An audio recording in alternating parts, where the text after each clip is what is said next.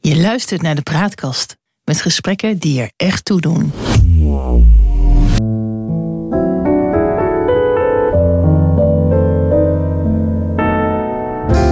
Welkom bij de Praatkast.nl. Dit is een aflevering van het Geheugenpaleis. Mijn naam is John Knediem samen met Han van der Horst maken we deze podcast. De geschiedenis die herhaalt zich nooit, maar rijmen dat doet hij vaak wel. En dat gegeven gebruiken we in het Geheugenpaleis om dieper in te gaan op de actualiteit. Zo gaan we aan de waan van de dag voorbij en bereiken we de kern van het nieuws. We scheppen orde in de maalstroom van berichten die het zicht op de grote lijn belemmeren. En we ontdekken wat werkelijk belangrijk is. En we zien dat de werkelijkheid vaak genoeg elke fantasie te boven gaat. De Krim, daar gaan we het vandaag over hebben. Aanvallen van Oekraïne op de Krim en vergeldingen vanuit Rusland. Wat is dat toch met de Krim, eh, Han? Waarom is dat zo'n belangrijk gebied?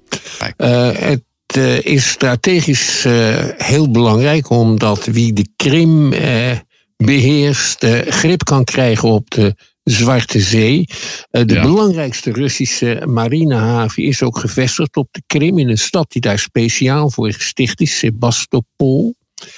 Ja. En die heeft ook in oorlogen in de 19e en de, 20e eeuw een, een, grote rol gespeeld. En daarnaast heeft de Krim ook een grote psychologische betekenis. Even terug naar die, die, die haven. Want het is eigenlijk de enige warmwaterhaven voor Rusland. Dat is wel bijzonder. Hè? Het is zo'n groot land. En dan de enige plek waar ze uh, altijd kunnen varen omdat het er niet bevriest. Dat is dan bij de Zwarte Zee, bij de Krim. Ja, en uh, de Zwarte Zee komt bovendien uit op de Bosporus. Dat is een smalle zeestraat. En uh, die brengt je dan naar de Middellandse Zee. Dus ja. uh, als Rusland een internationale rol wil spelen als zeemogendheid, dan heeft het die toegang uh, via de Zwarte Zee tot de Middellandse Zee nodig. Want de ja. andere zeehavens die zijn niet ijsvrij. Tenminste, de meeste niet en misschien over een tijdje wel, maar zover is het nog niet. Nee, maar kijk, het, uh, Rusland is natuurlijk een groot land, dat is een wereldmacht, althans zo gedraagt het zich.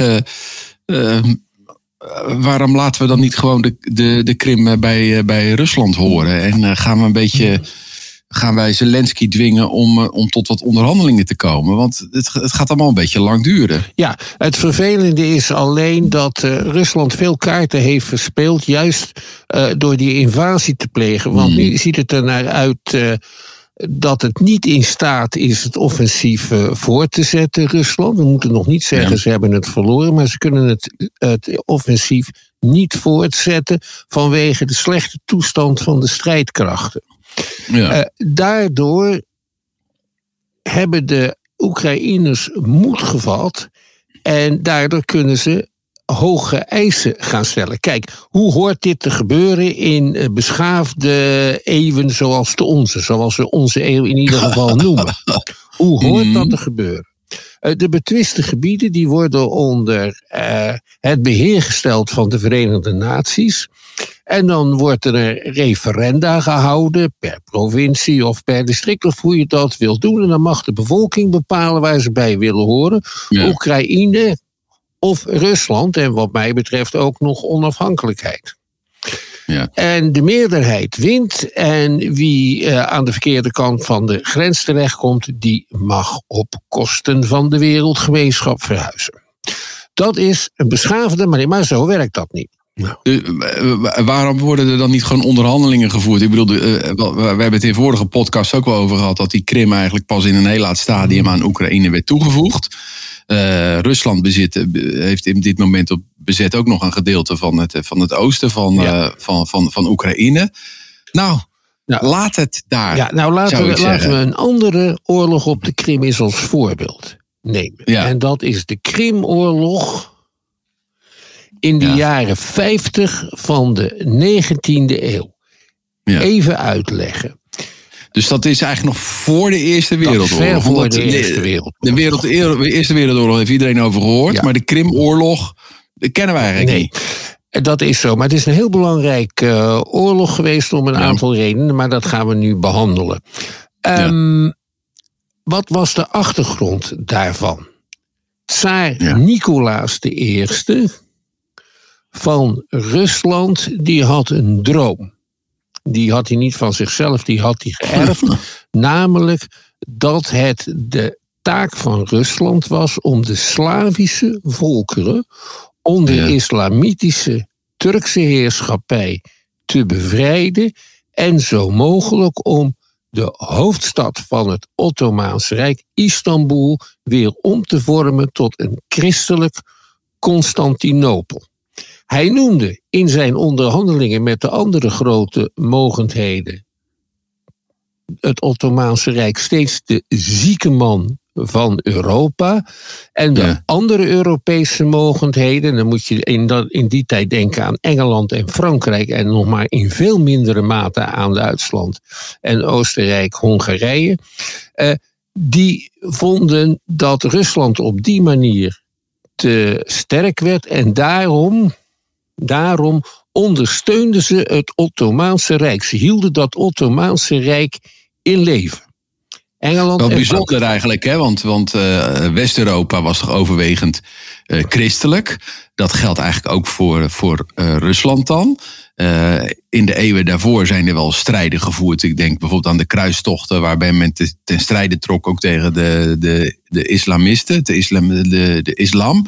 En, en toch vonden Engeland en Frankrijk dat ze de Turken moesten ondersteunen in die tijd. Ja, althans, dat vonden de regeringen en dat vonden de elites. Hè? Want je had Ja. met name in Engeland grote volksbewegingen om Ja. juist de Slavische volkeren die onderdrukt werden, zogenaamd door het Ottomaanse Rijk, eh, om die te ondersteunen. Daar werden hele verkiezingen over gehouden.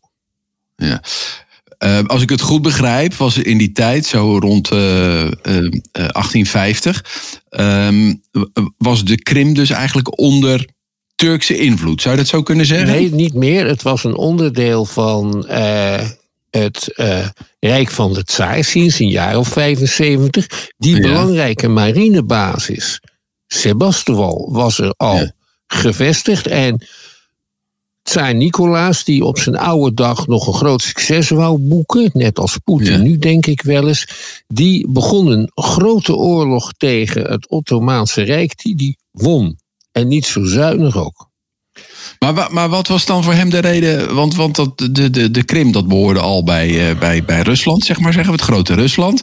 Maar waarom moesten dan die Ottomanen verslagen worden? Om de- Omdat die over de, in de Slavische landen eh, eh, ja, een overwegende aan, eh, aandeel de hadden. macht, de macht hadden. Ze, Bulgarije, het huidige Bulgarije, eh, dat het huidige.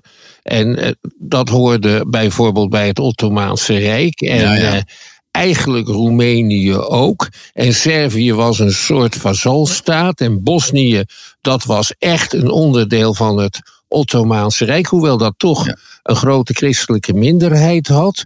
Dus die wilde Nicolaas I allemaal zogenaamd bevrijden en onder zijn invloedssfeer brengen. Daarom begon die steeds oorlogen. Maar waarom heet het dan de Krimoorlog? Wat heeft de Krim daar dan in ik te maken? nou kan vertellen. ja, Dus op een gegeven moment vonden Engeland en Frankrijk dat Nicolaas I gestopt moest worden. Dat bleek alleen maar te gaan met een oorlog. En ze besloten die oorlog te voeren op de Krim, omdat daar die hele grote marinebasis lag. ja, ja. Ja. En eh, het probleem is alleen dat Rusland verschrikkelijk groot is en je kunt het dus heel moeilijk verslaan. Dus Ja. men hoopte eh Nicolaas I op de Krim een aantal nederlagen toe te brengen en dan zou hij het vanzelf opgeven. En dat is eigenlijk hetzelfde als wat er dan nu gebeurt Ja. eh, eh, vanuit eh, Oekraïne. Ja. Die aanslagen pleegt op de Krim. Oh. Om op die manier eigenlijk Rusland op de knieën te dwingen. Wetende dat ze niet elf tijdzones, want zoveel tijdzones zijn er in het grote Rusland. Dat ze dat land ooit zouden Ja. kunnen innemen. Nou, wat gebeurde er? De Engelsen en de Fransen samen met de Ottomanen, die landen op de Krim. Ja. En voerden daar een oorlog tegen de Russen, die enorm bloedig was, enorm Ja. veel slachtoffers eiste. Hè. Wij kennen allemaal, denk ik, het verhaal over Florence Nightingale, de Lady with the Lamp. Ja. Eh, die de ziekenverpleging van de gewonde soldaten voor het eerst in de wereldgeschiedenis professionaliseerde. Want de soldaten stierven als ratten, maar vooral aan allerlei ziektes. Ja. Dat heeft zo een paar jaar geduurd en toen waren beide partijen uitgeput. Ook ging tsaar Nicolaas I dood, dus die verdween van het toneel. En dat was een houdegen waarmee absoluut niet te praten viel. En hij werd eh, opgevolgd door zijn zoon Alexander II. Dat was een hervormer, iemand die wel trekjes gemeen heeft met Gorbachev, om zo te zeggen. En die vond dit bloedvergieten verder zinloos en heeft een vrede gesloten.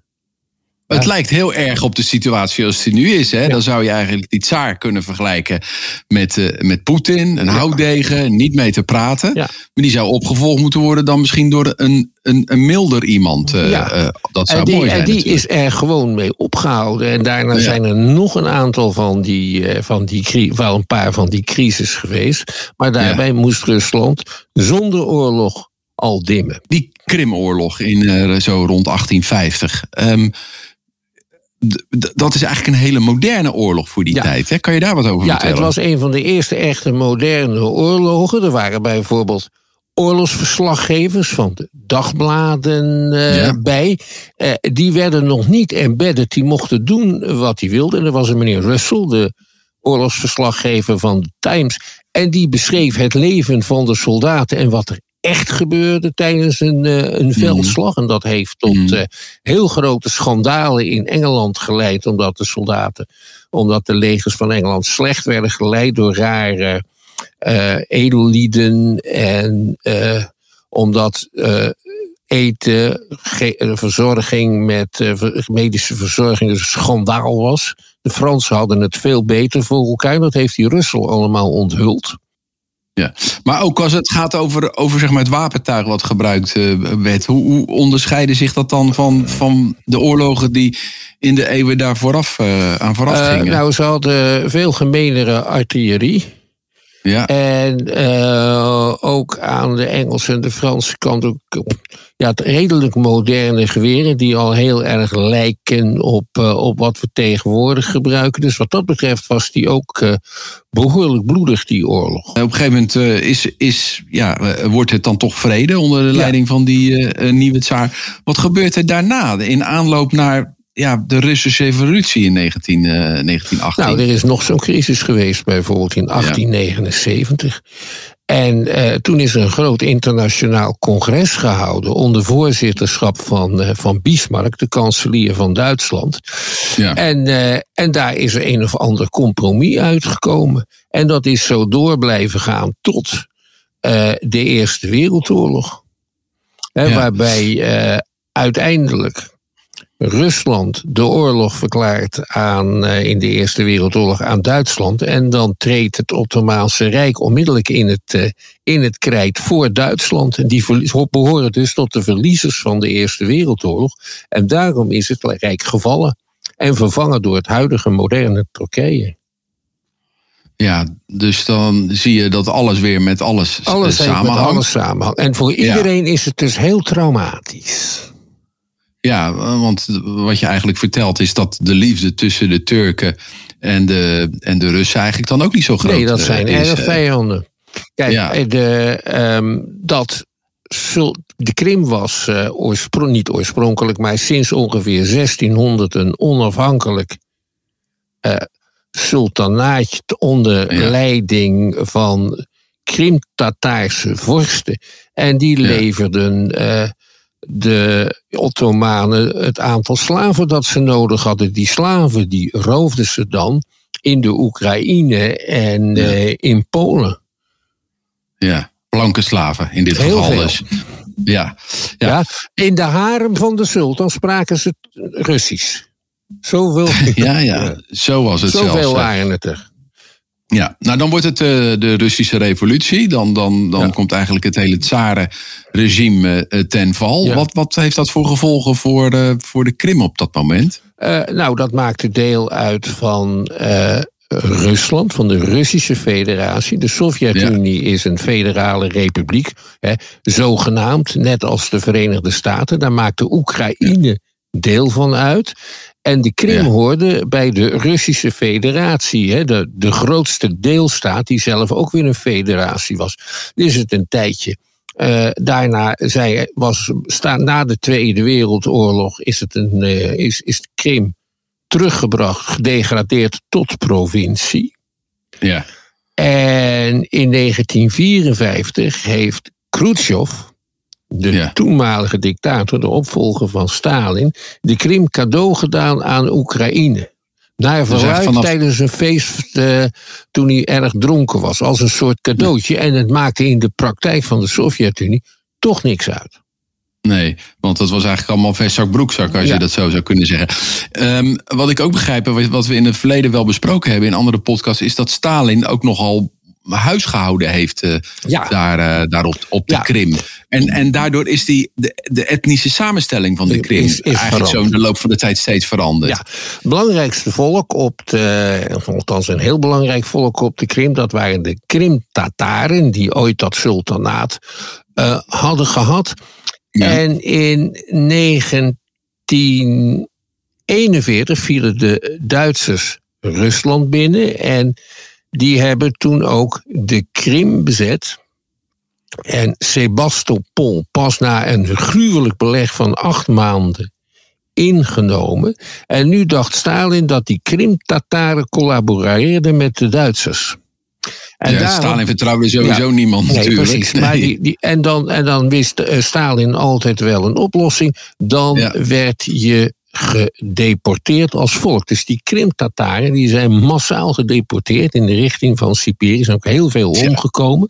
Er zijn er ook een aantal gevlucht naar uh, Turkije. Hier schuin tegenover mij is een middelbare school met verschillende Krim-Tataarse leerlingen. Die uh, kinderen zijn van, van Turkse gastarbeiders. Ja. Um, en uh, dat heeft de zaken nogal door de war gehaald. Dus de bevolking van de Krim, de meerderheid daarvan, zijn Russen. Die zijn daar door Stalin weer naartoe gebracht ja, inderdaad. dan En ook om ja. uh, te werken in de, in de fabrieken en uh, ja. om diensten te verlenen aan, aan de vlootbasis. Want Sebastopol is natuurlijk na de herovering weer opgebouwd. Dus het is ja, nogal dus... een gebied waarvan je zou kunnen zeggen dat heeft meer met Rusland te maken dan met Oekraïne. Dat is 50 jaar geleden wel bij, uh, bij Oekraïne gevoegd, maar van dat hoort tot het vaderlands uh, grondgebied en zo. Dat is allemaal flauwekul. Dat is gewoon niet waar. Vers 2 is of de Krim naar Rusland terug moet, maar dit is wel een feit. Maar, maar, dat weet Zelensky toch ook wel, dat dat, dat dat een beetje apart was, dat het toegevoegd is in Oekraïne. Ja, maar de, de sfeer is zo verziekt dat je daar niet meer over kunt beginnen. Nou ja, misschien is het goed om de olifant in de kamer te benoemen. En ook goed dat we het daar met elkaar over hebben. Ja, nou, dat, heeft, dat die Krim eigenlijk niet zo, zo Oekraïens is. Dat heeft, uh, dat heeft Elon Musk ook gedaan. Hè? Die heeft ja. gezegd, wat is de oplossing? De oplossing is, de Krim gaat naar Rusland. Oekraïne ja. blijft voor de rest uh, onaangetast en het wordt een neutraal land. Toen is iedereen ja. verschrikkelijk boos op hem geworden. Ja. Maar dat was natuurlijk een pragmatische oplossing. Maar, nou kan je natuurlijk een, een oorlog een, of een geopolitiek niet bedrijven als een, mm. als een, als een echte onderneming. Nou goed, in, in 1953 is dus de Krim toegevoegd aan de Oekraïne. Nou, dat gaat dan een hele lange tijd goed in, de, in het Sovjetrijk. Ja. Maar dan valt in uh, 88, 89 uh, valt het ijzeren gordijn, dan valt ja. de muur. En dan in 1991, dan komen er daar verkiezingen. Voor, ja. Waarbij dan aan de, eigenlijk de mensen van de Krim gevraagd wordt: wat wil je nou eigenlijk? En dan hebben ze bij referendum besloten dat er een Krimrepubliek moest komen. Met andere woorden, niet bij Oekraïne behorend maar, en ook niet bij Rusland behorend. Ja, dat was nog maar dat was heel onduidelijk in die uitslag. Want ja. eh, Rusland, het Rusland van Poetin, is een federale staat hè, met heel veel ja. verschillende deelstaten. Hè, er is bijvoorbeeld een deelstaat Tatarstan en je hebt eh, Dagestan en zo. Dat zijn echt tientallen, meestal heel kleine republiekjes, maar die hebben een autonome status. Um, en de Krim is uiteindelijk toch bij de Oekraïne gebleven, want daar waren ze organisatorisch mee verbonden. Ja. En die republiek overigens, die autonome republiek binnen Oekraïne, is wel blijven bestaan. Maar dat is dan toch een beetje schimmig. Dat is dan ja. toch een. ja, de, de, de mensen die daar woonden, die wilden, die wilden misschien onafhankelijk uh, zijn. Uh, of gedeeltelijk bij Rusland behoorden. En vervolgens doet Oekraïne daar dan toch weer een soort van claim op leggen. Dat, dat is toch toch ja, een basis voor conflicten, denk ik zo. heel ouderwets.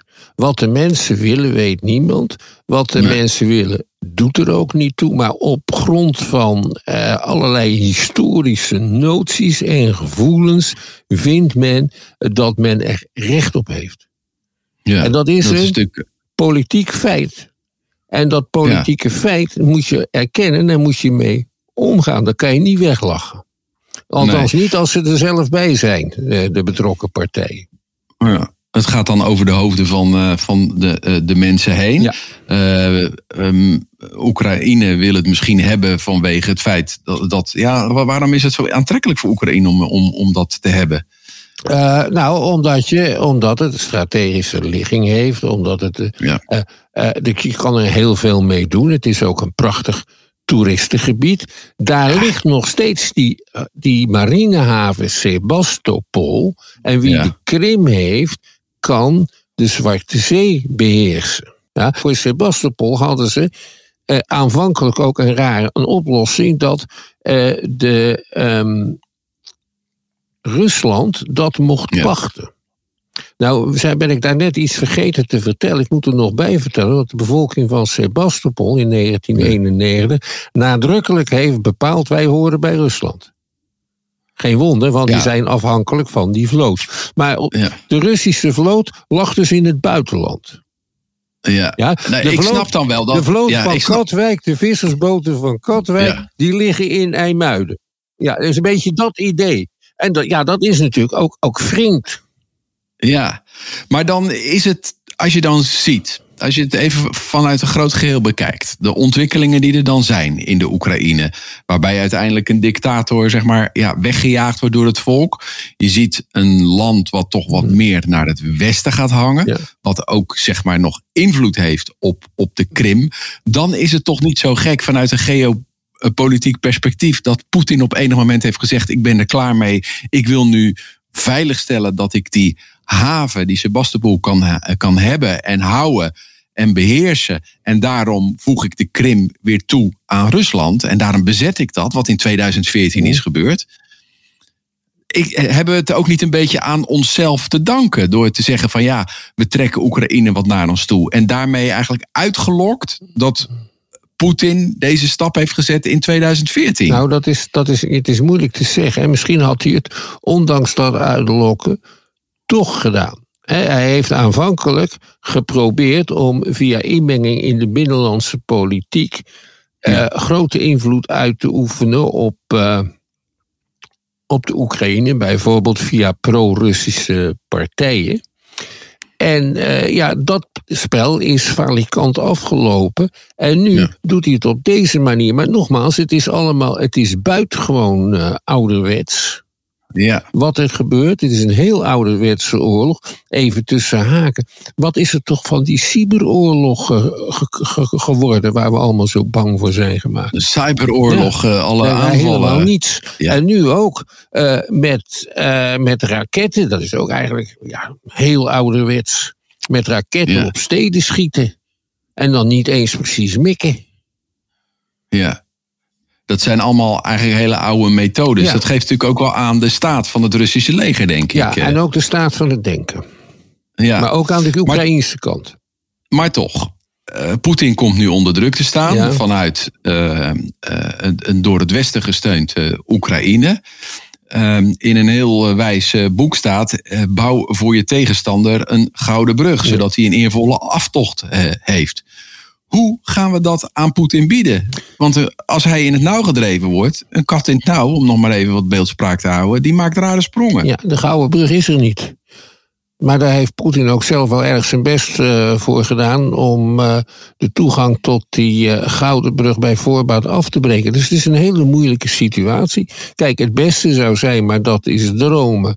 Het beste zou zijn dat hij net als Nicolaas I van het toneel zou verdwijnen.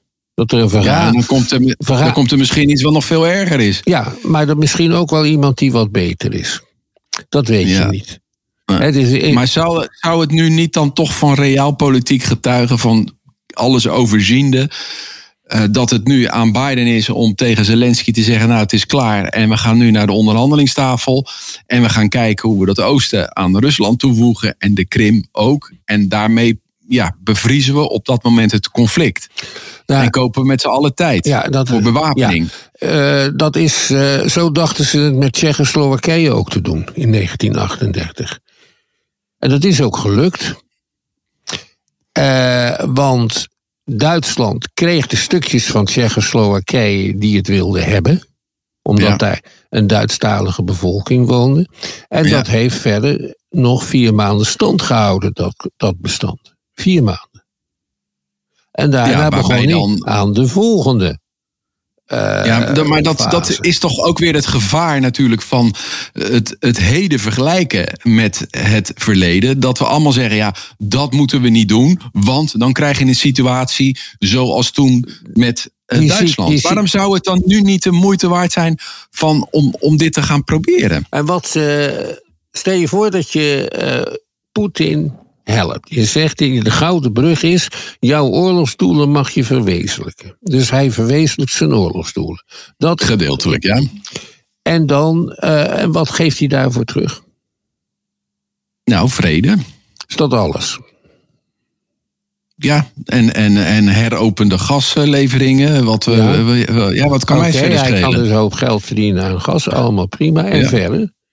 Uh, komt er een uh, wederzijds grote ontwapening tot stand? Uh, wie betaalt de schade van de oorlog? Uh, doen we dat met z'n allen? Ehm, ja, je, er, zal, er, zullen, er zullen een heleboel dingen zijn die je moet regelen. Um, en ik begrijp dat dat natuurlijk helemaal geen. Ja, maar de, de weg waar we met z'n allen nu op zitten, is toch ook geen prettige weg. Het is een, een, een, een crisis die lijkt op. die erger is dan de crisis van de, de Cuba-crisis. Die over raketten ging toen Rusland raketten in Cuba wilde stationeren. Het, is, het is erger dan in 1962. Ik bedoel, is er nou iemand hier nog die opstaat en zegt: we zijn er nou even helemaal klaar mee. En dan, dan, dan bijten we ook maar even in het stof. En we gaan het toch even een beetje anders doen. Ja, dat zou wel kunnen, maar dan zouden dat twee personen moeten zijn. Iemand uit het Westen en iemand uit Rusland. Zeker. en wat uh, uh, verder generaal de Kruijven altijd zegt, is natuurlijk een grote waarheid. Zelensky bepaalt wanneer dit ophoudt. Nou, ik denk dat uiteindelijk Biden dat bepaalt. Want als hij geen wapens meer geeft aan uh, Zelensky, dan houdt het gewoon op. Dit wordt gewoon in het Witte Huis bepaald. En ik hoop dat Biden binnenkort wakker wordt. Die overigens tot nu toe die uh, crisis, denk ik, op een hele interessante en goede manier uh, leidt. Ja. ja.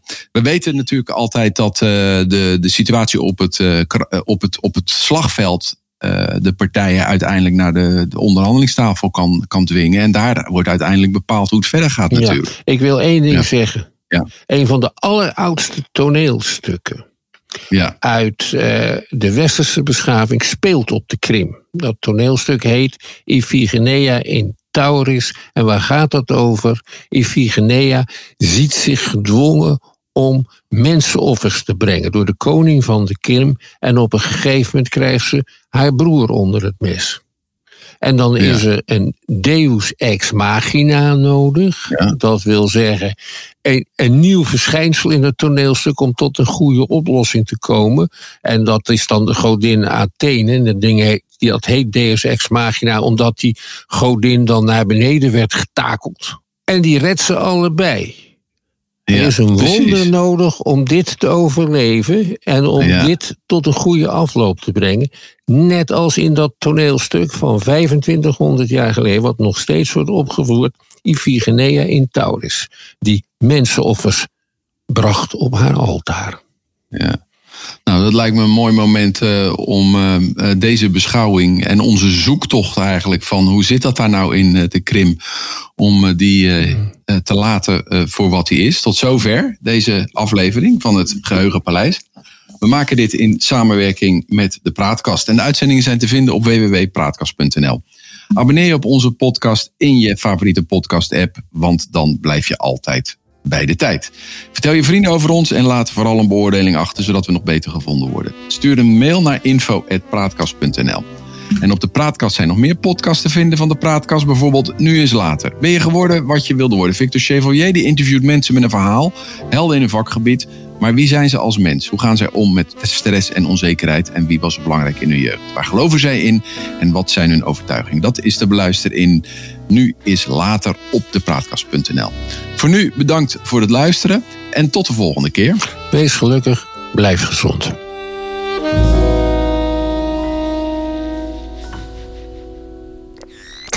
De Praatkast.